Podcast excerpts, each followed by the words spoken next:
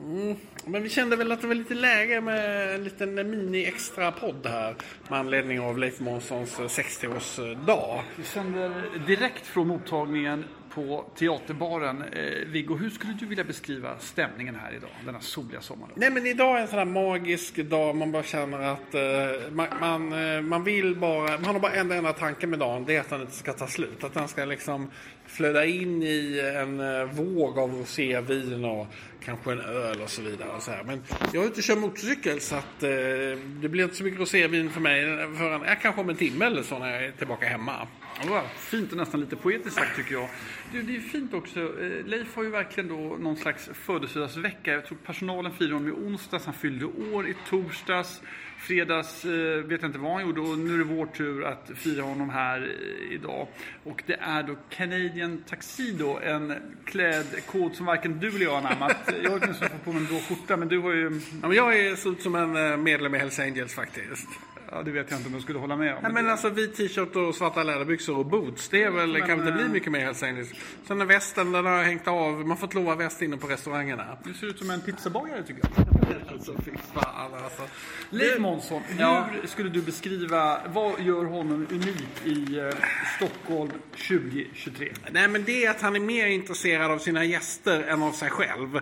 Han är genu- Spot on, spot on. Han är genuint eh, nyfiken och han kommer ofta fram och frågar mig vem ska jag käka med och har du ska käka med Claes eller du ska käka med den och den och är det en ny person då undrar han vad håller den personen på med. Han är en av de få personer som jobbar på restaurangen som har förstått att folk går inte till restaurang för att äta utan folk går för att umgås och socialisera, ha möten, bli förälskade, bli kära, underbara, härliga. Möten ska det vara eh, och de ska orkestreras av någon som, som ser en. Han har en förmåga att se en. Eh, man säger ju inom restaurangen så här, smile with your eyes eh, och det gör han. Han smilar hela... Och, nej, men han, och sen är han också... Min kusin Anette Beijer, hon har sagt att varje gång hon träffar... Tjena Björn! Tjena!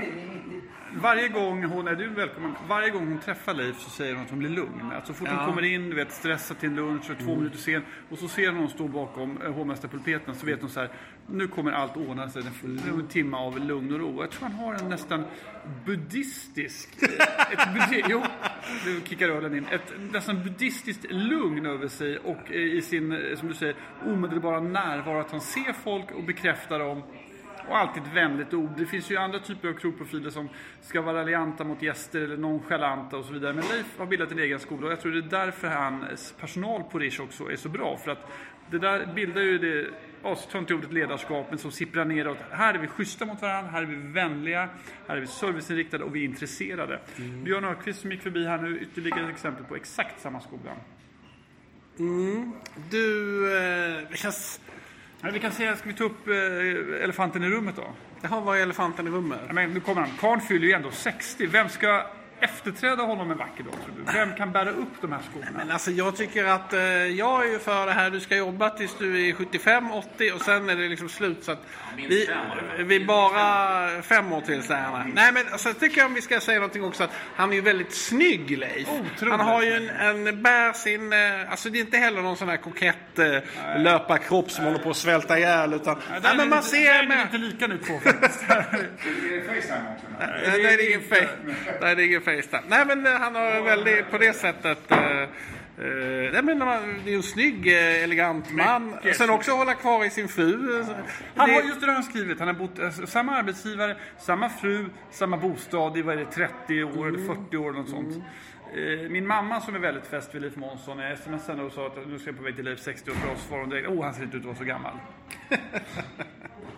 Nej, jag vet Han är inte. hundvän också karln. Alltså han har ju inga lik i garderoben. Hundvän. Han har en Welsh Springer Spaniel som är skotträdd. Och jag tror hon är en tik. Hon är närmare 14 eller 15 år, vilket är väldigt, väldigt mycket i den åldern.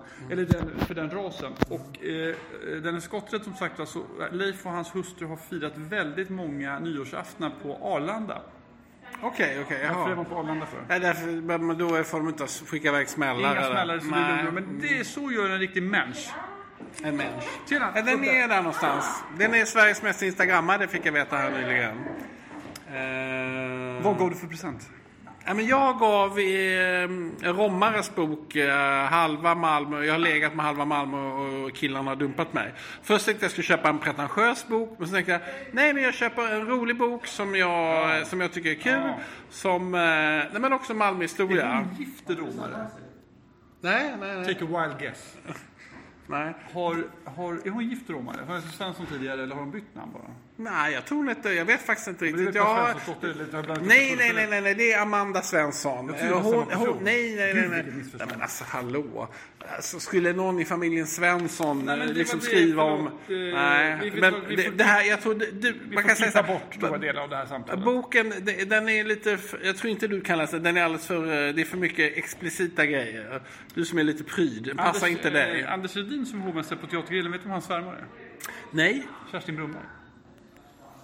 Jaha, okej, okej. okej. Fråga vad jag gav Leif. Jag bara, förlåt, vad gav du Leif? En bok. Ja, men vad gav du för bok? Någon pretentiös bok säkert? Marianne Lindberg Deers tredje dagbok, signerad. Okej, okej, okej. Det var lite flott faktiskt. Det var lite flott. Fick en väldigt fin recension. Eller vad, nej, hon fyllde år och då fick hon en fin artikel i DN. Som ju då eh, lyssnare av den här podden vet att det är Kerstin Winterheds förra sida. Eh, där de hade skrivit att, jag kommer glömma bort rubriken nu, men att eh, Marianne blir hel med hjälp, eller en helgjuten bild eller något sånt. Det var en väldigt fin text som hon verkar nöjd med. Du, ska vi avsluta eh, genom att säga hipp hipp hurra för eh, Leif och eh, må han leva i eh, 60 år till. Ett fy för att leva, hipp hipp! Hurra, hurra, hurra, hurra!